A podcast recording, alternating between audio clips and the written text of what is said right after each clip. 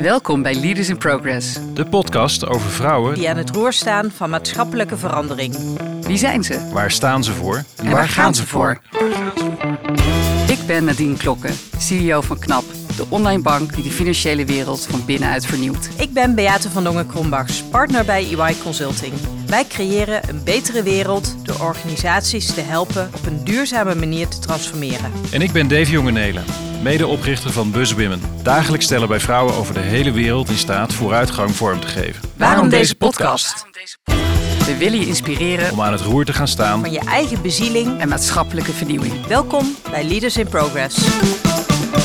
Welkom weer bij deze nieuwe podcast van Leaders in Progress. Eh, we zitten hier weer bij Better Meetings in uh, Austerlitz.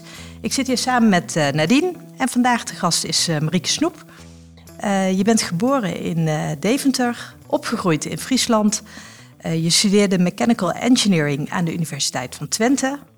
werkte in diverse rollen bij T-Mobile.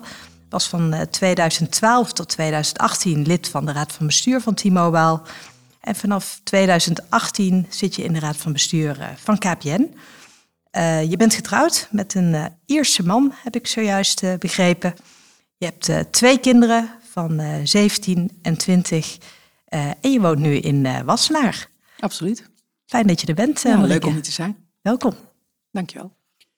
Ja, superleuk. Ik ben ook wel heel erg nieuwsgierig. En laten we om dat een beetje te verkennen eerst eens teruggaan naar waar jij ontsproten bent. Marika als klein meisje, wat was dat voor meisje? Um, nieuwsgierig, sportief, hè, opgegroeid in Friesland. Dus uh, mijn man uh, stond echt versteld met wat voor soort fiets en surfplank ik op de fiets richting de smalle E ging en ging surfen.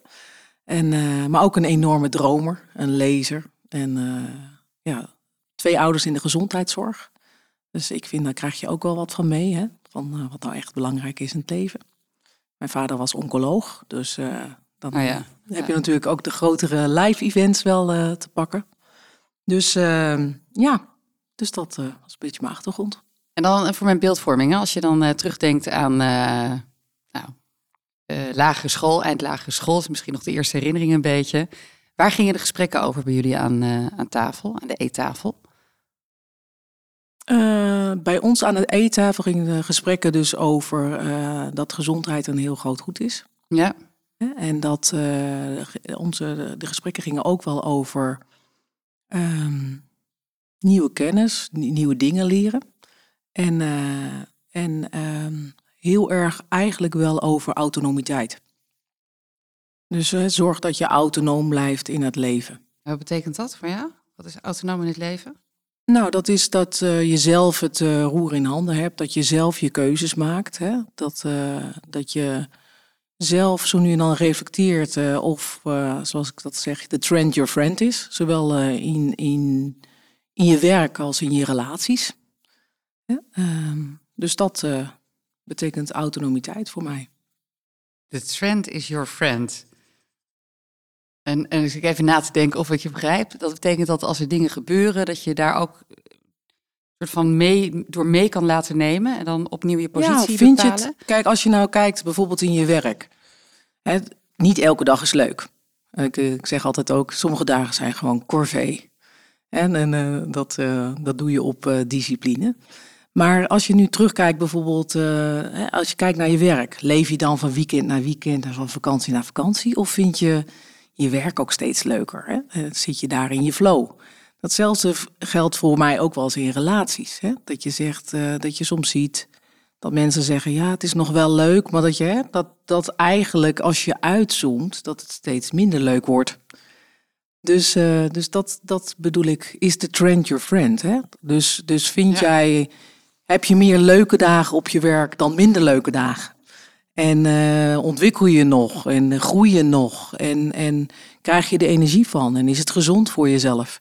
Dat bedoel ik allemaal met is the trend your friend. Je houdt, maar, je houdt natuurlijk een ongezonde relaat, hè, relatie, een ongezonde werkomgeving, uh, hou je maar zo lang vol. En als, je zelf, als je dan zelf terugkijkt hè, met dit uh, als nou, mooi credo. Uh, zijn er situaties waarbij je bij jezelf zag, hey, in dit geval was inderdaad die trend niet mijn friend en de reflectie geholpen heeft om daar uit te stappen of andere keuzes in te maken? Oh, absoluut. Kun je, absoluut. kun je een voorbeeld uh, noemen? Nou, een van de, kijk, een van de geweldige carrièreadviezen die ik ooit heb gehad was van Nick-Jan uh, van Damme, de CEO van uh, T-Mobile Nederland en later uh, die, Deutsche Telekom Duitsland. En die zei altijd: als je carrière wil maken, doe dan drie dingen. allereerst excelleren in je eigen werk. steek je vinger eens op voor een special project. Dat nou cultuurverandering is in je bedrijf of een ander uh, special project. Zodat je hè, opvalt buiten je baan. En ook gewoon wel laat zien dat je klaar bent voor grotere dingen. En het laatste wat hij zei is, als het kan, kies je baas. En uh, ik ben dus ook wel eens, in het kader van Is the Trend Your Friend, ben ik in mijn carrière meerdere keren weggegaan bij een baas. Dat is dat daar een rode lijn in? Is er een bepaald kenmerk dan wat voor jou een baas aantrekkelijk maakt of juist uh, niet prettig maakt? Um, ik vind dat in principe moet een baas uh, je eigenlijk. Uh, ik vind het belangrijkste van een baas is backup. Dat je je gebackupt voelt. Dat je je veilig voelt om gewoon nieuwe dingen te proberen. En ik zeg maar de leidinggevende waar ik ooit bij weg ben gestapt. Ja, of je ziet gewoon dat daar iets onder tafel speelt wat je gewoon niet kunt oplossen. Uh, dus uh, in één geval was bij mij een soort jaloezie. Dat ik dacht, ja, hier voldoe ik nooit aan. En dat was een baas die me dan continu begon aan te vallen op de inhoudelijkheid van dingen. Ik ben begonnen in IT en dan zei ik van, een de migratie duurt zo en zo lang. En dan zei die baas, nee. Ik zeg, nou ja, ik zeg, ik heb het berekend en ja, het is wel of niet waar. En, uh, en ik heb ook wel eens, eh, ben echt weggestapt bij een leidinggevende die gewoon nul op de backup, uh, backup was. En uh, ik denk dat iedereen harder loopt op applaus. Dus ik zei, nou, ik vind het ook wel eens leuk om te horen als ik iets goed doe. Nou, als ik niks zeg, dan doe je het goed. Ja, dat vind ik heel ongezellig. Ja, plus, plus heel ongezellig. En, en dan als ik dan vroeg, zal ik hier links of rechtsaf? Ja, als je linksaf gaat, kan het hier en hier en hier en hier misgaan. Als je rechtsaf gaat, kan het hier en hier misgaan. Ik zeg maar, als nu links op, uh, afga, heb ik dan je backup? Nou, nee, daar kwam het eigenlijk op neer. Toen dacht ik, waarom ben je dan mijn baas? Ja, ja. En uh, als je kijkt naar uh, de dingen die jij nu doet, hè, waarom, waarom doe je de dingen die je, die je doet? Om, als ik kijk waarom ik de dingen doe die ik doe, dan zijn een aantal dingen. Allereerst, ik ben ongelooflijk nieuwsgierig. Was ik al als kind, hoe dingen werken. Uh, mijn moeder zei ook al uh, van, je was altijd super, super nieuwsgierig. Ik las alles wat los en vast zat. Ik was dus ook uh, vrij goed op school. gewoon vanuit, intrinsiek vanuit mezelf, omdat ik het fantastisch vond om te leren. Uh, dus dat, daar begint het voor mij. Ik ben continu nieuwsgierig. Nieuwsgierig naar nieuwe technologie. Nieuwsgierig naar mensen. Nieuwsgierig naar hoe je dingen in beweging zet. Dus uh, uh, ik heb graag steeds grotere puzzels. Nou, ze worden niet groter als dat je bestuurder bent van een bedrijf. En ik hou van wedstrijden winnen met teams. Dus ik ben wel echt iemand die het liefst werkt gewoon om een teamperformance te verbeteren.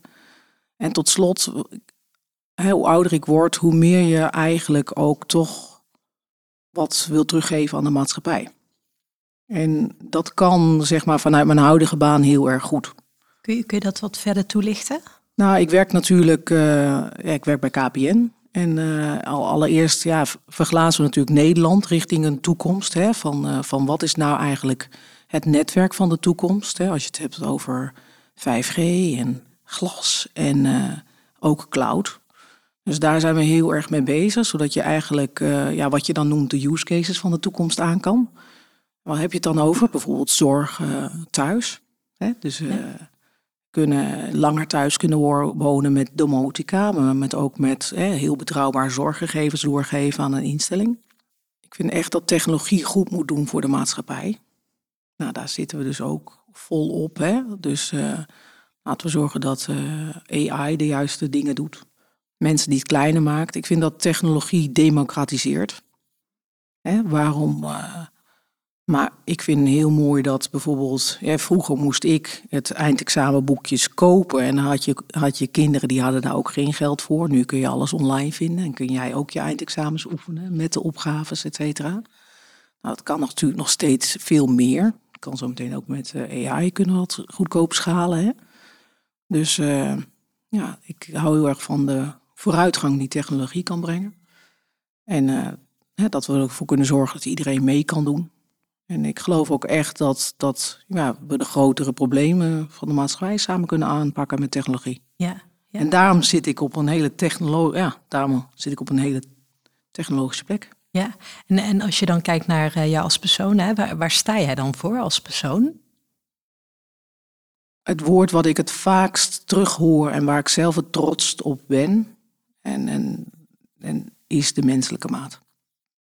En wat betekent dat voor jou?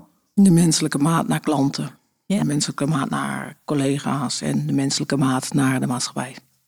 En, en kun je daar een voorbeeld van geven hoe je dat doet? Door altijd wel, uh, doordat um, ik me heel goed realiseer dat heel vaak communicatie niet over mij gaat, maar uh, dat je echt oprecht bezig bent met: oké, wat is het effect van mijn communicatie? Wat wil ik bereiken bij de ander? En, en beantwoord ik ook continu de goede what's in it for me. Maar ook uh, menselijke maat in uh, gewoon heel goed luisteren of, of de adoptie daar is bij de klant. Hè, of de klant erbij kan, of de klant kan meedoen. Dat vind ik allemaal, ja. En eigenlijk in heel veel besluiten continu dus meenemen. Wat is de impact op de collega? Wat is de impact, op de klant? Hoi. Dat vind ik de menselijke maat, ja. ja. En uh, wat voor een type leider vind jij jezelf? Inhoudelijk en faciliterend. Ik geloof heel erg in de omdraaien van de piramide. In gewoon zorgen dat, dat je echt die snelheid en die kracht en uh, dat collectieve brein maximaal aanzet. En, en, dat ik dat faciliteer en dat continu kijk van hoe zorg ik dat, hè, in het geval van KPN Consumentenmarkt, dat de eerste lijn bijna alles kan doen voor een klant. En, uh, en ook durft te doen.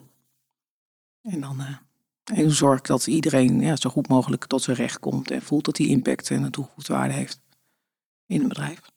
Waar zit jouw, als je die hebt, waar zit jouw randje, zeg maar? Waar zit je, je likable flaw? In, dat acteren? Want dit is natuurlijk, ja, je hebt ook nog de. Nou, wat waar, daar ben ik ook wel eens op gewezen. Mijn likable flaw is dat um, ik ben een ongelooflijk positief mens. Uh, en ik vind het, hè, dus, uh, en ik, um, ik, mensen doen het beste, zeg maar. Ik, iedereen loopt ook een bedrijf binnen met de beste intentie. Ik vind echt, er loopt niemand het bedrijf in en die denkt van, nou, vandaag ga ik het eens even helemaal verknallen voor KPN of Ernst Young of uh, KNAP. Weet je wel, mensen lopen met een hele goed, maar sommige mensen hebben heel ineffectief uh, gedrag. En die doen dan nog steeds het beste binnen hun optiespace. En het is aan mij om die optiespace dus te gaan verruimen. Ja. En, maar omdat ik zelf zoveel opties zie, is soms het begrip voor die nauwe optiespace, moet ik mezelf wel bijhouden dat, je, dat je oprecht denkt bij een ander van, joh, waarom is dit jouw optiespace? Dus dat je toch even de rust neemt om stil te staan bij wat de achtergrond is van ineffectief gedrag. Ja, dat kan me voorstellen, als je het ook zo beschrijft. En uh, hoe, hoe doe je dat? Hoe zorg je ervoor dat je, jouw mechanisme zo werkt dat je inderdaad dan bijvoorbeeld offert vraagt of even de tijd pakt om te zorgen dat je tuned op die space van de ander. Heb je daar tips voor eventueel voor onze luisteraars? Nou, het begint voor mij dus bij bewustwording. En ik ben ook echt wel bewust gemaakt door andere leiders. Dat die zeiden van, joh, jij, ben, jij ziet altijd opties. Maar realiseer dat er dus mensen zijn die dat niet zo hebben. Hè? Die dat niet zo zien. En die niet even denken, nou, dat doe je toch gewoon dit. Hè? Dus, dus eh, het, ja, het, echt de tip is wel van uh, zoek die feedback ook op. Hè? En, uh, en, uh, en wat ik in het schalen van mezelf wel ook heel erg heb geleerd, is eh, is toch, het klinkt misschien raar voor Nederlander, respecteer de hiërarchie. Als je bijvoorbeeld nieuw in een baan komt, ja, dan heb je altijd mensen die dan naar je toe komen en dan denk je, waarom eh, zit je met een universitaire graad op die, op die baan? En dan die mensen vinden, maar heel vaak zit er wel een verhaal achter. Dus, dus eh, overroel ook niet te snel je eigen leidinggevende in een organisatie, weet je wel. Maar vertraag daar ook dan even. Dus, uh, dus dat. Uh, en realiseer dat hoe hoger je komt in een, in een bedrijf, hoe meer de impact van je totale, hoe groter de impact van je totale communicatie is. En dat was ook iets waar ik me heel bewust van moet worden, moest worden. Dus mensen reageren op je energie, mensen reageren op uh, de inhoud. Ik, weet je wel, en dat, ja, soms, daar zit dus mijn randje, want soms realiseer ik me dat gewoon niet. Dan sta ik in de rij in, een kantine en dan hoor ik uh, zes plekken achter me, maar Marieke Snoep zegt. En dan denk ik, nou, wat zou ik gezegd hebben? ja, dus, en soms dan denk ik ook, oh, nou, dat is een hele aparte vertaling toch uh, van uh, de meeting waar ik dacht in. Hè? En, en wat doet dat met jou? Of doet dat iets met jou? Of? Nou ja, dat is dus feedback op mijn eigen zorgvuldigheid. En, uh, en uh, ja, in ik denk dat je uh, een aantal dingen leert. Je leert gewoon steeds beter communiceren. Dus als ik kijk naar mijn carrière dan, en je kijkt naar de verschillende functies die je hebt, dan leer je aan de ene kant dus steeds beter communiceren. Je leert ook steeds meer, ja, dat vind ik wel als een managementterm, maar convergeren, dat het uiteindelijk wel weer een beetje samen moet komen. Dus, uh, dus dat, uh, anders komt het niet tot een resultaat. En je leert jezelf steeds beter schalen. Dus, dus en wat bedoel ik daarmee? Van, hè, dat je steeds ja, door goed te communiceren, maar ook door de prioriteiten bij de juiste dingen neer te leggen, dat je eigenlijk een ja, steeds hogere workload aan kan en een steeds ja. grotere, grotere span of control. Nou, dan moet je dingen loslaten, dan moet je mensen vertrouwen, maar dan moet je ze ook zelf met name continu je, eigenlijk wel je gedrag aanpassen. Ja, ik hoor je volgens mij ook zeggen uh, dat je dus eigenlijk ook heel actief continu je eigen spiegels neerzet om, om jezelf vanuit het andere perspectief te blijven zien of te blijven terughoren. Omdat dat eigenlijk de prikkels zijn geweest die af en toe je dan doen denken, oh wacht, nog even los van wat je gezegd hebt inderdaad, hoe is het gevallen, hoe komt het terug? Is, is dat iets wat je wat je ziet in de breedte van, je, van jezelf, dus ook buiten een werkomgeving, zie je daar ook dat soort ontwikkelingen eh, bij jezelf? Dat je communicatie anders is gegaan, dat je misschien uh, meer afgewogen wordt of meer naar de verschillende perspectieven luistert dan toen je uh, was. jong was? Zeker. Ja, dat is een, een, een, eigenlijk een chronologe ja, absoluut. ontwikkeling. Ja, dus, dus ik denk dat... Uh, uh, als je kijkt, uh, ik vind zelf dat ik heel erg anders ben geworden sinds ik moeder ben. Hè, omdat je natuurlijk met een baby geef je toch wat anders feedback uh, dan de ratio. dus dus ik ben in mijn loopbaan op een gegeven moment ook echt bewust gaan lesgeven. Ben ik Pilates-docent geworden. Om, om eens gewoon les te geven, zodat mensen bij de boodschap kunnen. Uh, en, en om, om, te kijken hoe duidelijk ik communiceer. En ik, ik hou mezelf wel steeds ook uh, die spiegels voor. Dus laat me wel continu inspireren. En, en, en, en ja, ik zoek de feedback wel heel erg op. Want wie en uh, wat inspireren jou? En nou, als je kijkt, dan is het een heel breed woord als ik zeg iedereen. En, maar hè, het zijn schrijvers, het zijn filmmakers. Ik, ik hou van kunst. Maar, aan, maar als ik kijk naar specifieke individuen, dan zijn het heel veel individuen. En je hebt iets uh, uit de NLP, dat heet success factor modeling. En dan kijk je eigenlijk naar andere mensen en dan kijk je van wat voor soort gedrag vind ik nou heel erg effectief. En ik heb bazen gehad die geweldig teams konden bouwen. En die, die echt uh, mij nieuwe definities gaven van uh, wat is nou een goed team en en hoe onderhoud je dat nou? En, uh, en wat voor kleine nuances zitten daarin? Uh, ik had ooit een baas, die had een hele grote foto van zijn team aan, het, aan de wand hangen. Inclusief partners. Op een dag kwam ik zijn kamer binnen en toen was die foto weg. En toen zei ik van, eh, joh, waarom is die foto weg? En toen zei hij van, eh, nou, een van onze teamgenoten, eh, eh, vrouw lag in scheiding. Toen zei hij van, eh, nou, Sas ligt in scheiding. Ik, ik vind het gewoon niet respectvol naar haar als zij continu hier binnen loopt en nog een foto van haar ex ziet hangen. Nou, ik denk dat er weinig bazen bij stil zouden staan. Hè, en om dan ook even gewoon, ja, even bij echt de mens stil te, stil staan. Dus eh, wat ik continu doe is kijken van, ik heb ook baas gehad met heel onhandig gedrag, dat je toch ook echt denkt, nou, zo gaan we het in ieder geval niet doen. Als ik ooit op dat niveau eh, terechtkomt. Dus het is, ja, het is heel erg ja, kijken eh, naar gedrag, naar, naar succesvol gedrag, naar, ja, ik vind het, ik ben een puzzelaar, ik ben een eh, ingenieur, dus ook gedrag ontleed ik als het ware. En, zeg, en kijk je van, joh, past dat bij mij? Dat vind ik wel altijd iets wat je naar moet kijken. Maar wat kan ik daar nou zelf van leren en wat kan ik daarvan overnemen? En eh, wat ga ik ook vooral niet zo doen? En het laatste is, ik word altijd enorm geïnspireerd door, eh, ja, inhoudelijk. Ik ben inhoudelijk, maar mensen die nog inhoudelijker zijn dan ik, dat, eh, ik zeg altijd, ik ben al een zakker voor IQ.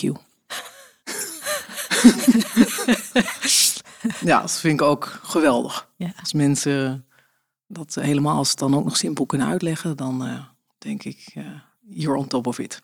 En eh, jij vertelde, je hebt een Ierse man. Heeft dat jou ook op een bepaalde manier eh, gevormd, geïnspireerd?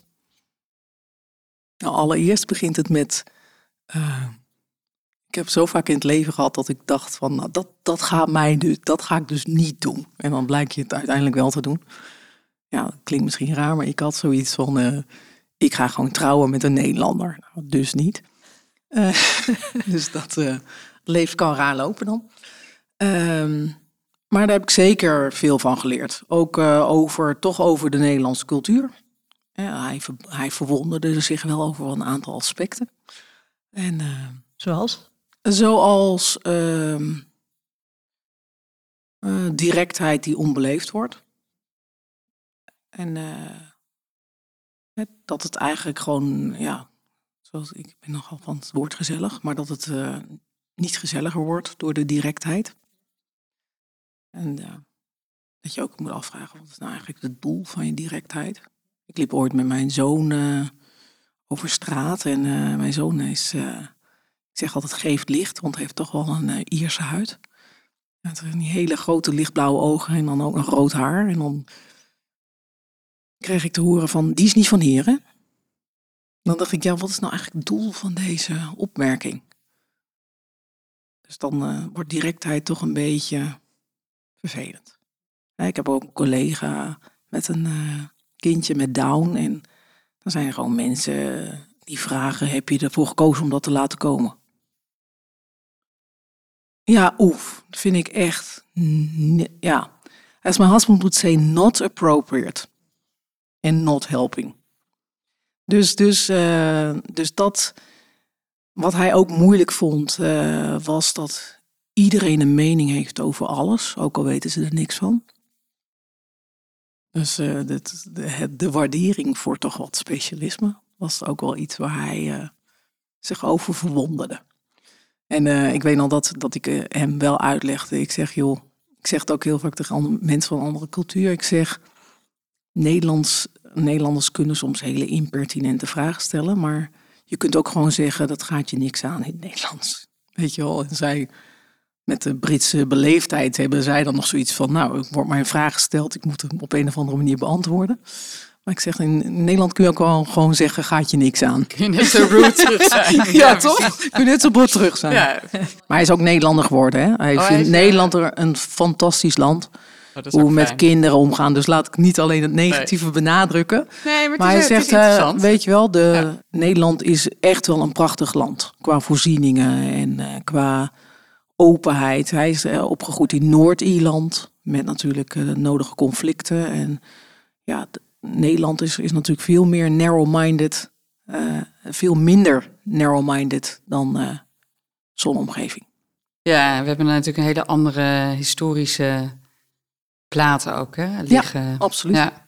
Nee, begrijp ik. Net zei je, maakte je een opmerking uh, over dat moederschap als uh, belangrijk punt eigenlijk in je leven. dus aan de ene kant hoor ik hele nou, zelfbewuste, ontwikkelgerichte, nieuwsgierige, inhoudelijke, technische vrouw. En dan komt opeens moederschap zo naar boven. Kun je, kun je er iets over vertellen wat dat echt veranderd heeft uh, in jou? Als je het soort van de Marieke voor en uh, na bekijkt? Nou, als ik kijk naar, ik ben opgegroeid in een heel erg warm gezin. Nou, wij hebben nog steeds een ontzettende warme familie. En een familie is ongelooflijk belangrijk uh, voor mij, mijn broer en mijn zus. En, uh, en hun partners en hun kinderen. En eigenlijk was moeder worden, mensen vragen dan, wat wil je vroeger worden? Nou, het eerste wat er bij mij uitkwam was moeder. Hm.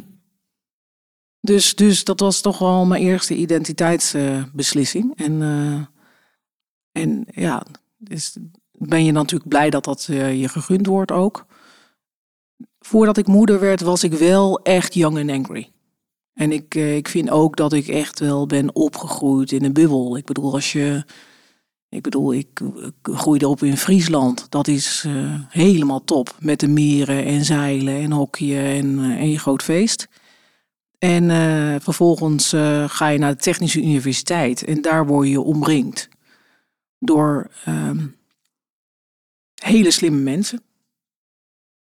dus ik, waar je wel leert, hè, de, ik vond wel met een technische universiteit, eh, ik, ik was altijd heel erg comfortabel met neurodiversiteit al. Ook omdat ik zelf vrij nerdy ben.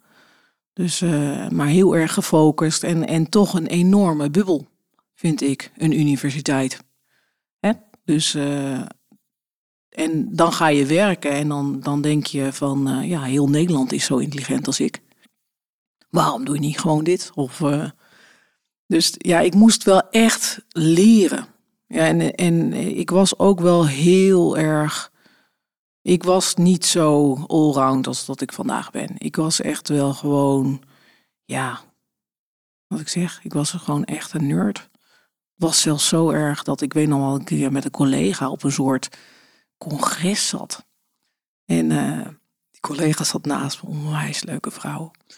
En uh, dat was een congres waar allerlei verschillende bedrijven aanwezig waren. Op een gegeven moment was er een man en daar hadden we al oefeningen gedurende de dag meegedaan. En die zegt, ja, ik moet wat eerder weg, uh, tot ziens. En nou, ik was dus letterlijk zo, ik deed de kansberekening. Ik dacht, nou, jou ga ik nooit meer zien. En dat zei ik dan ook. Nou, ik denk niet dat wij elkaar nog ooit gaan zien. En ja, toen was ik gewoon jong. En nou, de collega van mij, ja, Marie, dat is wel zo inhoudelijk. Maar dat is gewoon niet zo gezellig om te zeggen. In het kader van directheid. In het kader van directheid. Dus uh, ja, ik was wel, uh, ik vond zelf heel erg eendimensionaal. En ik, uh, ik vind de liefde maak je al multi hè, meer dimensionaal. Maar ik vind het onvoorwaardelijke voor een kind. En ja, dat ik. Je begrijpt in één keer, weet je wel, ik begreep eerst ook niet die ouders die dan, weet je wel, helemaal vermoeid. Ja, ik moet naar huis. Hoezo moet naar huis? Werk, werk is nog niet af. Weet je wel? En jij begrijpt uh, in één keer die ouders die er als zombies bij lopen. Omdat ze twee kinderen onder de drie hebben. Waarvan uh, de ene de hele nacht wakker is en de andere toch om zes uur denkt de dag begint. Dus ja, je, ik vind, je krijgt gewoon toch meer empathie. Ik, in mijn geval was dat gewoon zo. In mijn geval, ja. ja. En als je nu kijkt naar je eigen identiteitsbesef, ben je dan... is dat, zou je dat als eerste definiëren, dat moederschap? Is dat je eerste foremost wie je bent en daarna uh, in de andere rollen? Of is dat, ligt dat anders? Nee, ik zie dat wel eh, heel erg als één plaatje. Ja? Ja. Ik vind altijd, uh, ik hoorde ooit de quote, uh, je bent je baan niet. Dat heb ik ook niet. Hè? Van wie ben je dan nog als je je baan verliest? Dus mijn identiteit is niet uh, alleen mijn baan. Mijn identiteit is gewoon moeder, is familielid, is gezinslid, is hartsvriendin. Ik heb echt een enorme vriendinnencirkel uh, al jarenlang. En, daar ben ik ongelooflijk loyaal aan. En, en is ook echt mijn werk. Er moet, mijn moeder is pedagoog. En die zei ook, jij, jij zou geen moeder zijn voor alleen maar thuis. Je wordt er geen leukere moeder van. ja. Nee. een hele andere vraag. We zitten hier bij de podcast Leaders in Progress. Ehm, wat betekent progress voor jou? Progress voor mij betekent, ehm, ja, wat eh, het woord, hè, vooruitgang. Prodos, wat is het Grieks? Uh, beweging. Dus uh, vooruit, progress betekent voor mij ook zeker beweging. En we zitten in een aantal hele grote bewegingen op dit moment. En dan helemaal als je kijkt in de, in de werksfeer. En dan zie ik eigenlijk, als je kijkt naar de grote people trends, en dat betekent, betekent dus progress ook voor mij, is de search for the unknown. Hè? Wat gaat AI doen? Wat gaat data doen? Eigenlijk tweede facet is, is hybride, is het nieuwe normaal. En hybride is niet alleen het hybride werken, maar is ook ja, eventueel de metaverse, maar is zeker ook dat we op een andere manier moeten gaan samenwerken om de grotere maatschappelijke thema's met elkaar op te lossen. Zoals klimaattransitie, maar dat je toch op een andere manier moet gaan samenwerken. Uh, richting een steeds complexere wereld, die je eigenlijk voor heel veel mensen ook minder complex wil maken in uh, je dienstverlening. Voor mij is ook, uh, we hebben ook een, uh, echt een thema ook met dat het, ja, die rehumanization of work. Dat het gewoon meer gaat over purpose, dat het meer gaat over welzijn.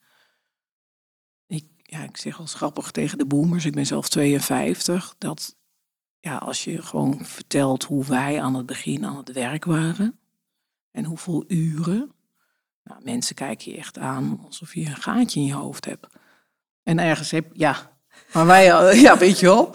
Dus je moet wel bedenken van, nou, hoe gaat technologie, hè? hoe gaat technologie nou, nou iedereen versnellen? En hoe gaat technologie ons, hè, vanaf de callcenter medewerker tot en met uh, de marketeer nou uh, versnellen, zodat, zodat het werk behapbaar en leuk en, uh, wordt. Maar ook, ja, hoe ga je dan mensen reskillen? Hè? Dat komt natuurlijk ook echt wel een gebrek aan talent. Hoe neem je mensen mee hè, naar andere functies? Hoe zorg je dat mensen gaan nadenken? Dat iedereen nieuwsgierig wordt en uh, durft te leren?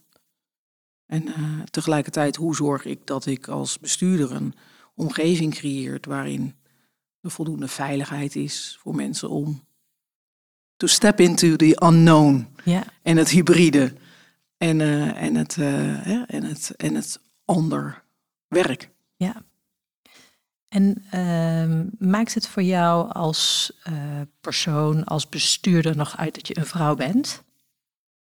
Nou, ik heb het dus gevraagd. Uh, ik zag uh, jullie vraag en ik dacht. ehm, het antwoord is denk ik wel, omdat je. Wat ik toch echt een vrouwelijk kenmerk vind, is dat je. Dan kom je weer terug op dat moeder dat je gewoon naar meerdere aspecten kijkt. Dat je ook kijkt, nou ziet iemand er moe uit en werkt dit. Weet je wel, dat je niet alleen naar de inhoudelijkheid van het besluit kijkt, maar ook naar de impact op de omgeving. En, uh, en, en, dat je eigenlijk uh, toch even kijkt naar alle manieren waarop er met je wordt gecommuniceerd. En uh, wordt geparticipeerd.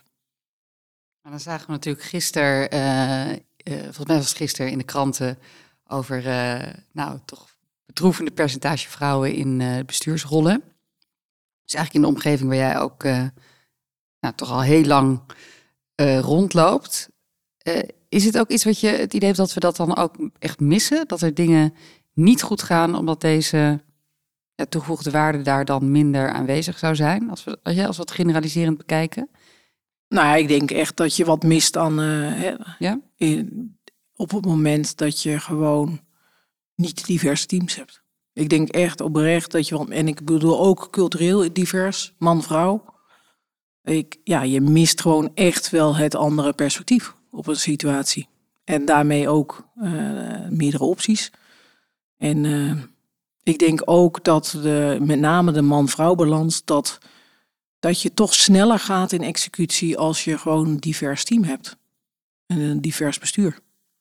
Ben ik gewoon van overtuigd dat het duurzamer is, de executie. En uh, ja, maar ik snap, weet je wel, ik verdiep me nou al ongelooflijk lang in. jullie denk ik ook, hè, van... eh, en je ziet nu in een... Een van de redenen zou kunnen zijn dat in een tijd van crisis men heel graag teruggrijpt naar eh, wat men kent. En naar de minimie. En, en, eh, en, en dus naar eh, het voorspelbare gedrag. Hè, van wat men denkt te kunnen voorspellen van een man. En dat zou, dat zou een reden kunnen zijn, inderdaad, waardoor dat zich nu zo manifesteert. Wat, wat zie je als een mogelijke oplossing? Wat, wat zouden we kunnen doen om dat... Wij zijn als bestuur zelf dus heel erg bezig met, echt heel erg bewust bezig met doorstroom. En, eh, en hebben het al op alle, eh, ja, hebben we op alle niveaus, eh, zeg maar, vrouwen zitten. In de recruitment moet je ook niet te snel willen. En, want heel vaak zien wij letterlijk dat de mannen sneller reageren in een bedrijf dan de vrouwen.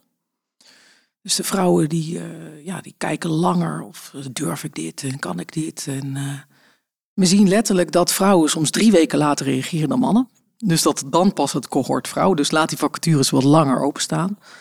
Ehm, dus ehm, daar, daar heel erg mee bezig. En ik denk, je moet ongelooflijk bewust met je biases bezig zijn. En, en dat is dus ook ja, gewoon communiceren, trainen, leren. En, en daar wel echt de tijd voor maken, vrijmaken. Hè? Een van de biases is dat je, je ziet veel makkelijker de potentie in iemand die exact lijkt op jou. Dus ik zie veel eerder de potentie in jou, en hè, voor mij dus ook. Eh, hè, dan denk ik, oh, weet je wel, je moet een step-up maken, je moet dit en dit en dit erbij kunnen. En dat, dat extrapoleer ik makkelijker in vrouwen dan in mannen. En dat is dus andersom ook zo. Dat de, de benefit of the doubt geef je hè, van, oh, ze, ze heeft het nog niet gedaan, nog nooit gedaan, of hij heeft het nog nooit gedaan. Geef je makkelijker aan iemand die exact lijkt op jou. In Ja. plaats van iemand die er heel anders. Dat is gewoon onderbewust. En daar moet je van bewust zijn. En Want ik, ik zit me af te vragen, ik herken heel erg wat je beschrijft. Ik denk, ja, niks menselijks is ook mij vreemd, dus ik herken het zo waar ook wat. Maar als ik beluister bij jullie eh, in de organisatie, speelt dit al lang. Hè? Ben je al jarenlang eigenlijk bezig om heel bewust om te gaan met het, ja, het zorgen dat je dat faciliteert.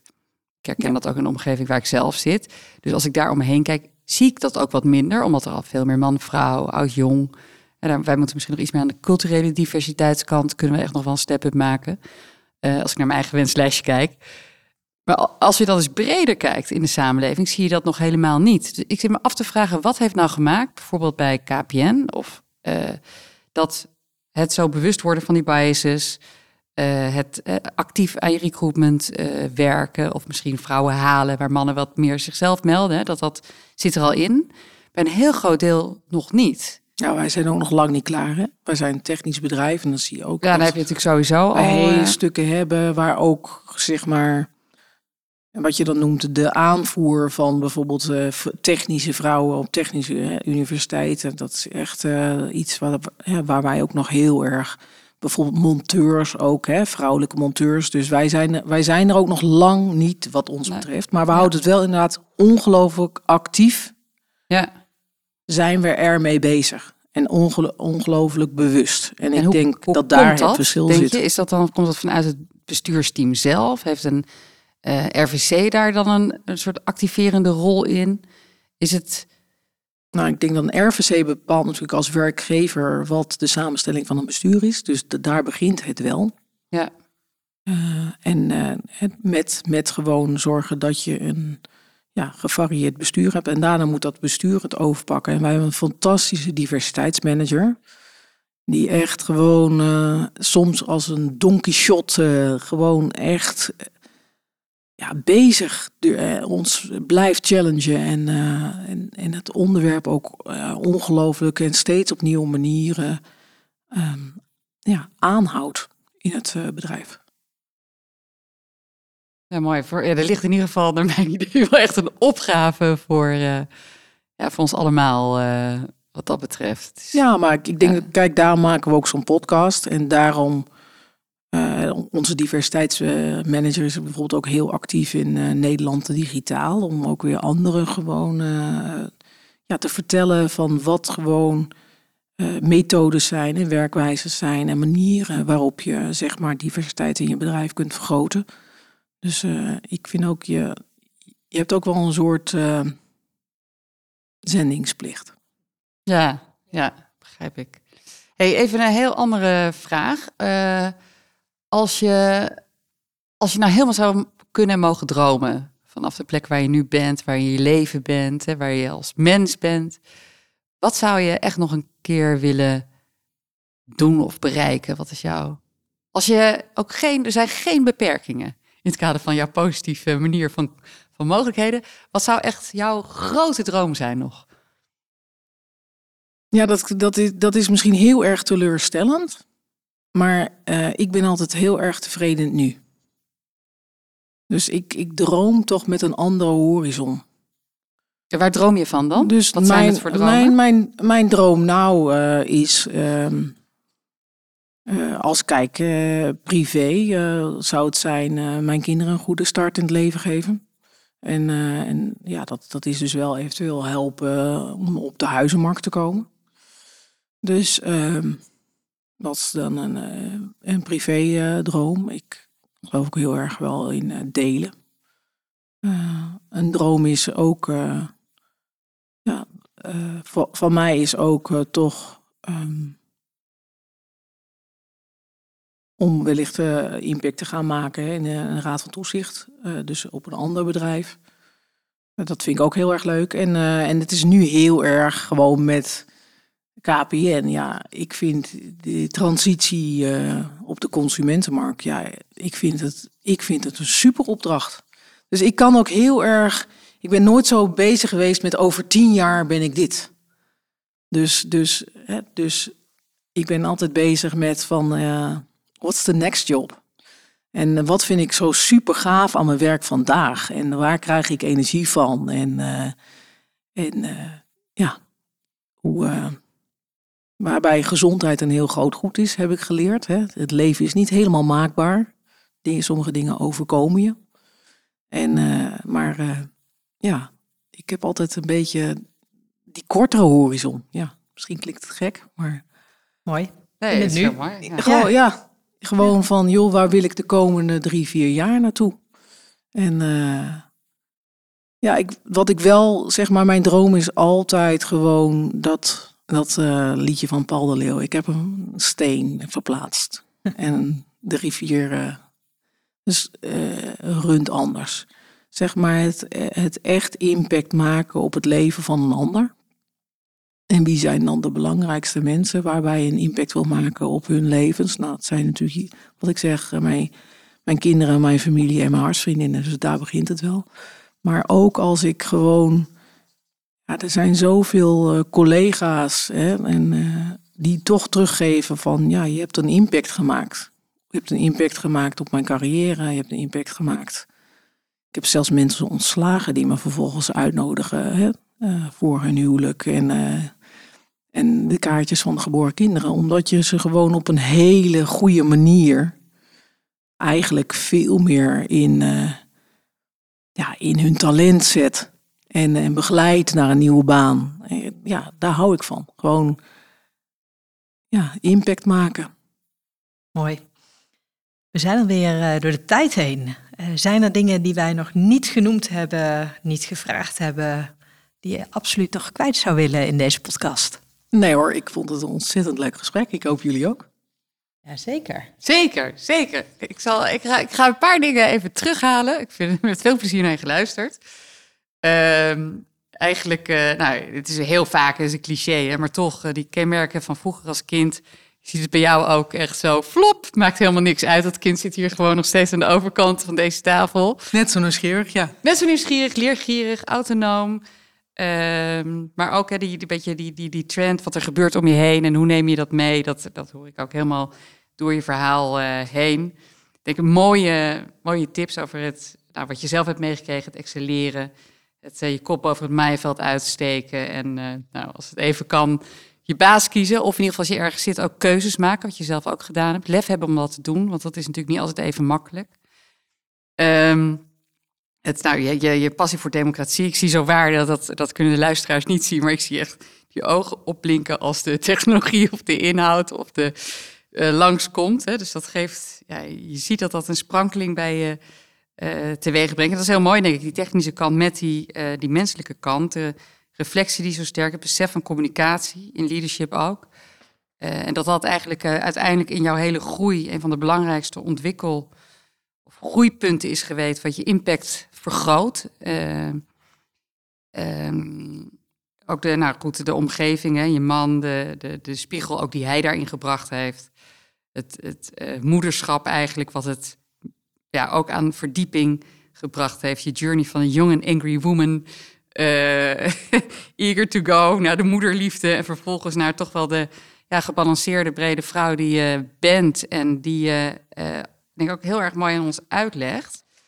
Met um, als laatste voorbeeld wat je net gaf, die app waarbij dan ergens en de technologie en de intermenselijkheid, maar ook de creatie die ik heel erg bij jou hoor. Hè? Dus het, de scheppende kant, het bouwen, het transformeren, het, de beweging. Daar was progress denk ik ook een mooi woord wat ook bij jou past. Weliswaar in het nu, maar het is nooit statisch. Er zit nee. altijd uh, dynamiek en energie omheen. Dus uh, ik heb met veel plezier naar je geluisterd, me laten inspireren. Ik hoop alle luisteraars ook. Uh, en heel veel dank voor je aanwezigheid. Ja, dank jullie wel. Dank je wel, uh, Marieke. Dank je wel voor het luisteren naar deze aflevering van Leaders in Progress. We hopen dat je ervan genoten hebt en er volgende keer weer bij bent wanneer we een nieuwe gast aan tafel hebben. Ben jij geïnspireerd en zou je ook willen werken aan vooruitgang? Dat kan. Ga nu naar www.leadersinprogress.nl en kom in actie. Of neem direct contact met ons op via de e-mail. Graag tot de volgende keer.